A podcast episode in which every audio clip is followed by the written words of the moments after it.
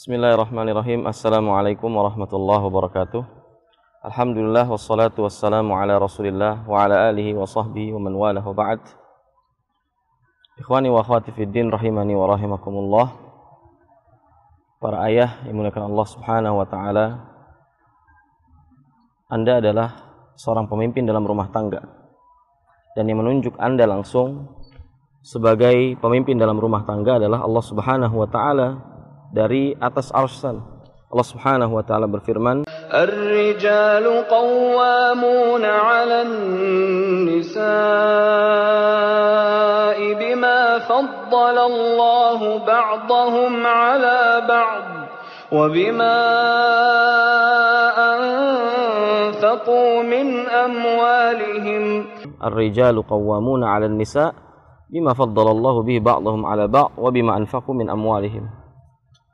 Kata Allah Subhanahu wa taala, laki-laki adalah pemimpin bagi para wanita dan dalam konteks di sini adalah para istri.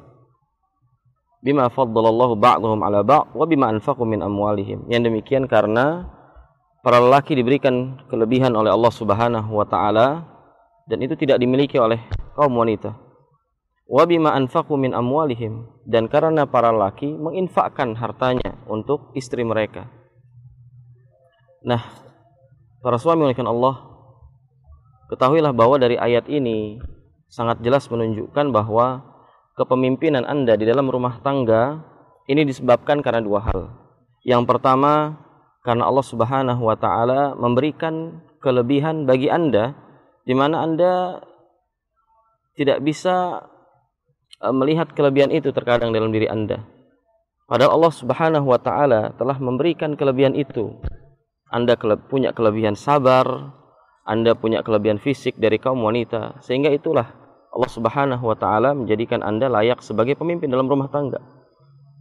Dan yang kedua karena Anda memberikan nafkah kepada istri Anda. Nah, oleh karenanya terjadinya ketimpangan di dalam rumah tangga.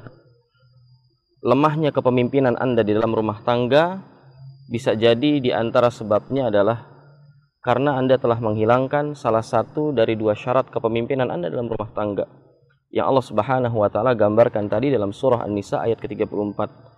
Karena Anda dipilih oleh Allah Subhanahu wa taala menjadi seorang pemimpin itu karena dua hal. Yang pertama karena Anda punya kelebihan, wa bima faddalallahu ba'dahum 'ala ba'd. Anda telah diberikan kelebihan oleh Allah Subhanahu wa taala. Jadi harusnya Anda menampakkan kelebihan itu di dalam rumah tangga, di hadapan istri Anda, di hadapan anak-anak Anda. Anda harus tampilkan bahwa Anda adalah orang yang punya kelebihan sabar di dalam menghadapi problematika rumah tangga, bukan orang yang gampang mengeluh. Lalu membawa permasalahan rumah tangga kepada orang lain meskipun itu mungkin orang tua Anda atau orang yang terdekat dari Anda. Tapi di situ istri akan melihat betapa lemahnya Anda di dalam kepemimpinan ini. Atau bisa jadi masalahnya yang kedua. Karena istri Anda telah mengambil peran untuk mencari nafkah. Anda telah menghilangkan peran Anda sebagai salah seorang suami untuk memberikan nafkah kepada istri. Sehingga istri pantas ketika dia berbuat nusyuz, ketika dia merasa lebih tinggi dari suami, atau ketika dia merasa setara dengan suaminya, karena dia ikut andil dalam mencari nafkah.